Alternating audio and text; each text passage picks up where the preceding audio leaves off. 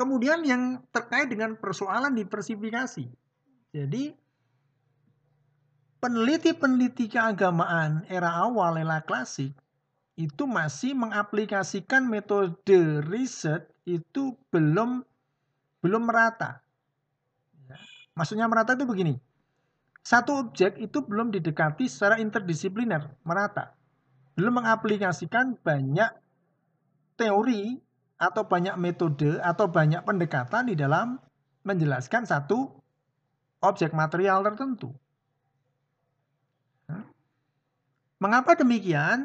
Masih terbawa pengaruh filsuf Jerman.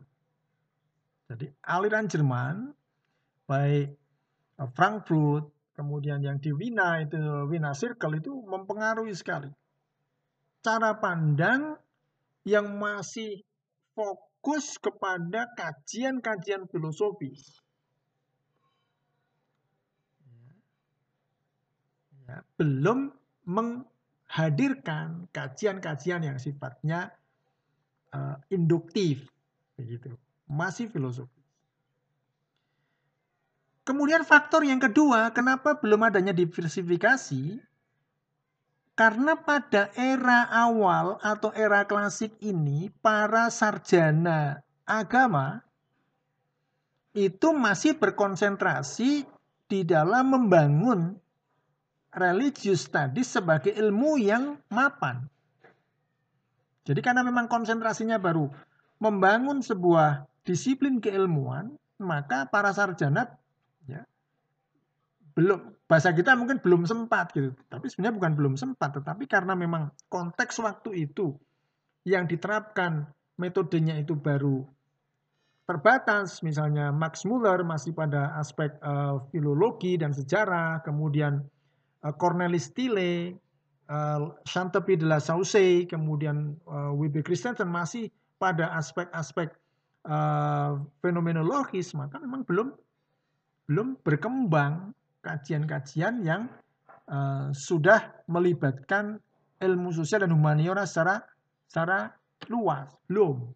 Karena tadi itu masih proses pembangunan ilmu religius tadi, satu studi agama sebagai ilmu yang berdiri sendiri. Kemudian aspek yang ketiga, pendekatan antropologi, sejarah, psikologi, sosiologi itu sudah menonjol. Meskipun, ya, meskipun masih uh, belum spesifik pada kajian-kajian yang kontemporer asumsi dasar psikologis, asumsi dasar antropologis, asumsi dasar sosiologi dalam konteks ekspresi pengalaman keagamaan sudah dijelaskan meskipun belum sespesifik ketika era kontemporer. Ya, maka inilah persoalan belum adanya diversifikasi. Diversifikasi itu penyebaran ya ke keberagaman. Keberagaman teori di dalam menjelaskan sesuatu. Belum, belum ke situ arahnya. Nah, maka inilah yang menandai atau apa namanya menjadi karakter classical approaches di dalam uh, studi agama atau dalam riset agama-agama. Gini ya, jadi seperti itu penjelasannya. Baik, kita lanjutkan. Sekarang pada periode yang kedua yaitu metode kontemporer. Metode kontemporer. Kalau pada metode klasik dua karakter utama belum adanya spesialisasi objek material dan belum adanya diversifikasi pendekatan dan teori, maka pada metode kontemporer semua itu ditutup. Artinya apa? Metode kontemporer ya, apa isinya? Betul-betul mengefektifkan atau betul-betul melakukan kajian secara efektif dalam agama secara spesifik. Jadi objek yang diteliti itu sudah spesifik. Misalnya agama itu bukan agama utuhnya, tetapi mungkin pada aspek tertentu dari agama, misalnya pada aspek kurban, sacrifice di dalam agama. Aspek ritual. Ritual pun masih diperinci lagi, ada ritual apa namanya? Uh, mistik, kemudian ada ritual yang formal, ada peziarahan, ada doa, itu sudah spesifik dipelajari. Artinya pada era kontemporer sudah masuk kepada spesialisasi objek. Gitu ya. Jadi uh, spesifik sudah. Misalnya gerakan keagamaan itu apa? Misalnya pada aspek uh, petani misalnya, gerakan keagamaan pedesaan misalnya itu kalau konteks uh, rural ya, rural antropologi atau uh, sosiologi. Jadi sudah ada spesifikasi begitu. Dan itu belum terjadi pada era klasik. Kemudian persoalan diversifikasi pendekatan pada era kontemporer, pendekatan ilmu-ilmu sosial humaniora itu sudah betul-betul masif. Teori-teori diaplikasikan dalam menjelaskan objek yang spesifik. Contoh tadi, penelitian tentang kurban ya atau sacrifice di dalam agama. Fokus pada aspek korban aja. Agama itu pada aspek korban. Bisa memilih pada satu agama tertentu atau membandingkan dua agama atau tiga agama. Atau secara fenomenologi konsep tentang sacrifice itu sendiri. Nah, untuk menjelaskan aspek sacrifice di dalam agama-agama, para sarjana kontemporer, sarjana studi agama kontemporer sudah mengaplikasikan banyak pendekatan, banyak teori. Kurban atau sacrifice dilihat dari aspek sosiologi. Sosiologi pun teorinya sudah sangat beragam mana yang digunakan. Antropologi terlibat, mana teori yang diaplikasikan. Sejarah terlibat, mana teori sejarah yang diaplikasikan psikologinya terlibat, mana teori psikologi yang diaplikasikan. Sehingga untuk menjelaskan objek material yang namanya sacrifice di dalam agama, itu hadir metode, hadir pendekatan, hadir teori yang beragam. Dan inilah yang dimaksud dengan holistic approach. Gitu ya, pendekatan holistik. Jadi melibatkan banyak teori. Bukan hanya terbatas pada satu teori saja untuk menjelaskan sacrifice. Nah, oleh karena itu, metode kontemporer atau era kontemporer ini, isu yang dijelaskan dalam konteks riset keagamaan sudah sudah sangat beragam seperti ini. Anda bisa menyaksikan di slide kita ini. Ya. Jadi riset mendalam dalam bidang ilmu sosial humaniora sudah sangat-sangat masif. Gitu ya. Era 60 70 ya apa namanya era akhir 70-an 70-an kemudian berkembangnya itu 80-an awal itu sudah sangat masif sekali. Kemudian pentingnya perkembangan komunikasi. Kemudian bagaimana tradisi riset di barat itu berdampak atau berpengaruh secara teoritik kepada tradisi riset non barat di Asia dan sebagainya itu juga sudah menjadi pertimbangan-pertimbangan dalam uh, pendekatan kontemporer. Kemudian wacana ideologi-ideologi baru misalnya marxisme, sekularisme, kemudian keterlibatan sarjana-sarjana non Eropa di dalam kajian agama ini sudah sudah masih misalnya di Jepang ya religious studies di Jepang sudah maju. Kemudian termasuk di Indonesia sudah maju begitu ya. Itu terlibat di dalam pengembangan model-model metodologi yang ada dalam contemporary approach atau pendekatan yang kontemporer dan wacana-wacana yang lain ya, sudah sangat-sangat luas dikaji untuk menunjukkan bagaimana sebuah ekspresi keagamaan atau objek material itu dikaji dari perspektif yang sangat-sangat beragam. Dan itulah ciri khas metode kontemporer. Dan di buku Frank Walling itu sudah sangat luar biasa dijelaskan dengan sangat mendetail. Gitu ya. Kemudian kita lanjutkan kajian kita. Aspek yang ketiga atau model yang ketiga dari metodologi kajian agama adalah new approaches. Pendekatan baru dalam studi agama. Di mana aspek kebaruannya ini? Atau bagaimana karakter yang spesifik dari new approaches ini? Sebenarnya pendekatan baru dalam studi agama-agama ini itu masih melanjutkan tradisi kontemporer. Artinya apa? Spesialisasi sudah sangat-sangat diperhatikan, spesialisasi objek. Ya.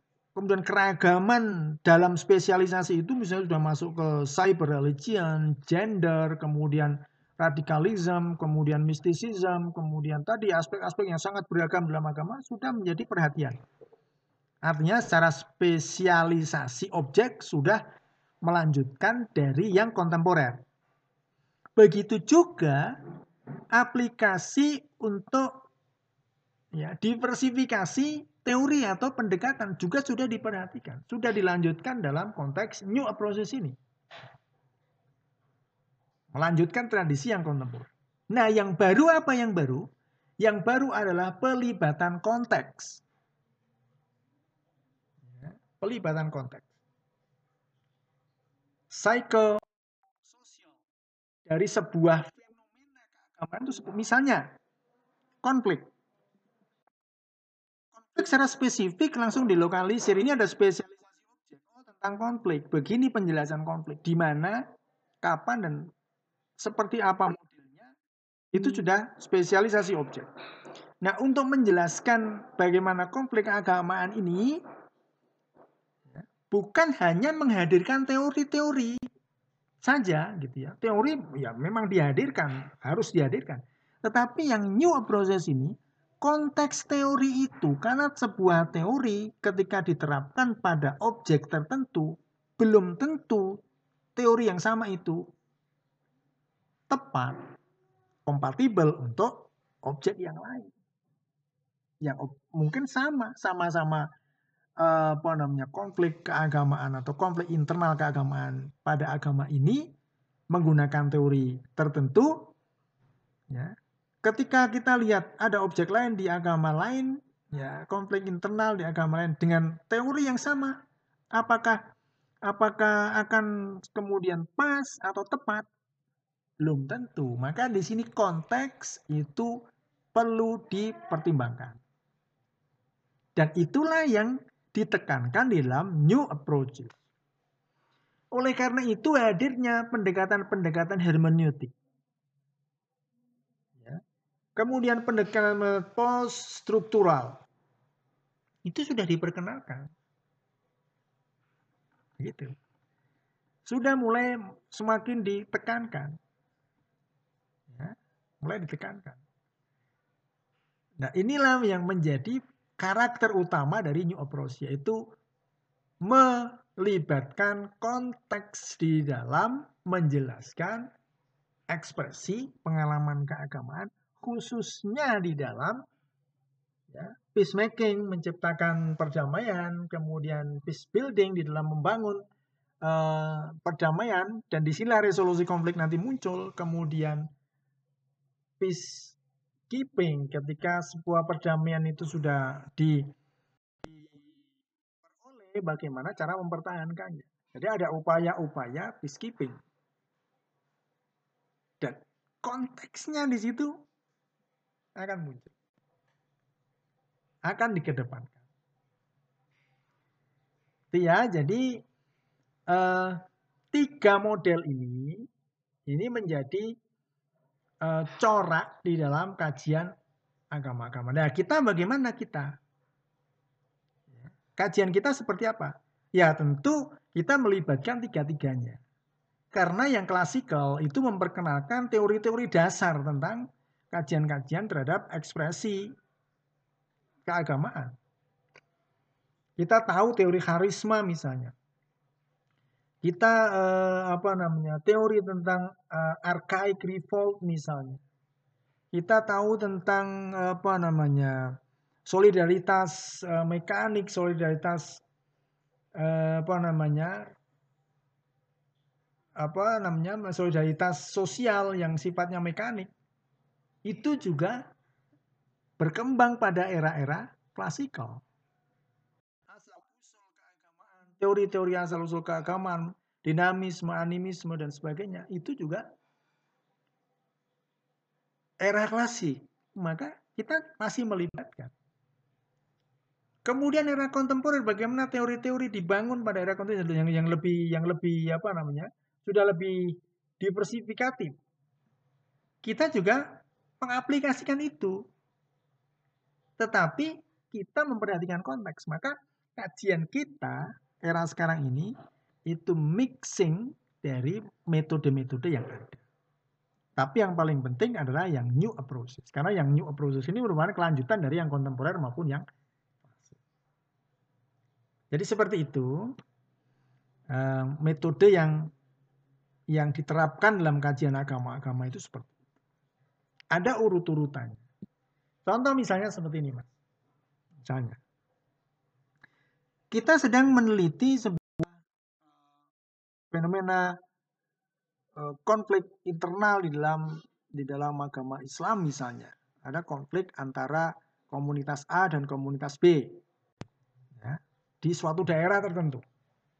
Kita spesifik langsung melokalisir fenomena itu dalam konteks masyarakat di situ.